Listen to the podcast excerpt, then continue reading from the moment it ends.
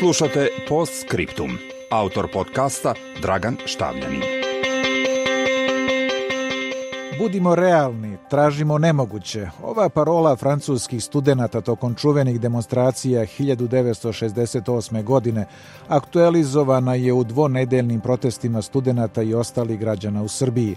Naime, njihovi zahtevi, među ostalim za smenom političke elite na čelu sa Aleksandrom Vučićem, ocenjeni su kao nerealni.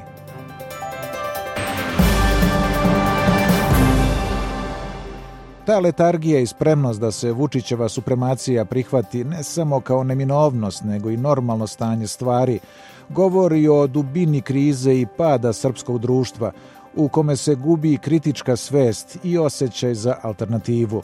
Zanemaruje se suština njihovih zahteva, tačnije neprihvatanje da se pod plaštom demokratije u osnovi vlada nedemokratski, tako što je država privatizovana za potrebe vladajuće elite umesto da bude servis građana.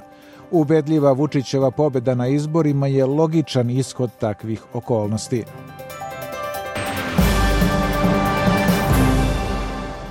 Građani imaju sve manje poverenja u izbore kao mogućnost da se na njima nešto promeni.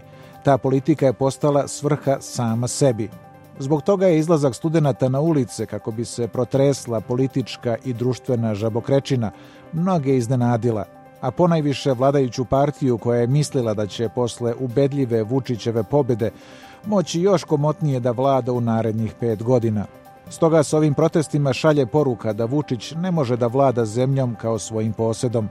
Dakle, zajednički imenitelj svih zahteva je suprostavljanje političkoj i društvenoj patologiji i zalaganje za društvenu normalnost.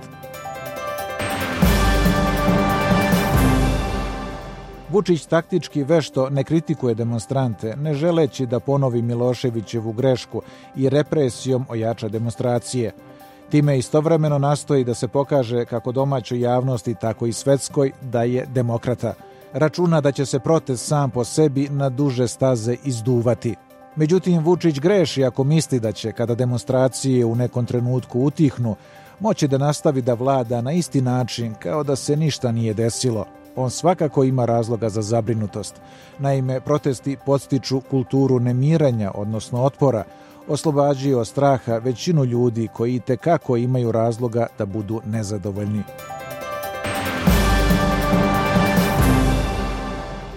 Studenti nemaju lidera i organizaciju, ali osim slabosti, to je i izvor snage, jer se vlasti boje takvih pokreta zato što ne znaju u čemu je njihova snaga i da li neko stoji iza njih. Uspeh protesta se ne meri ostvarivanjem konkretnih ciljeva, već u samom činu – Dakle, poenta je da ovakvi protesti uvek imaju smisla, a ne da li masovna akcija uspeva. Na taj način se stvara posebna dinamika i osjećaj da pojedinac nije usamljen.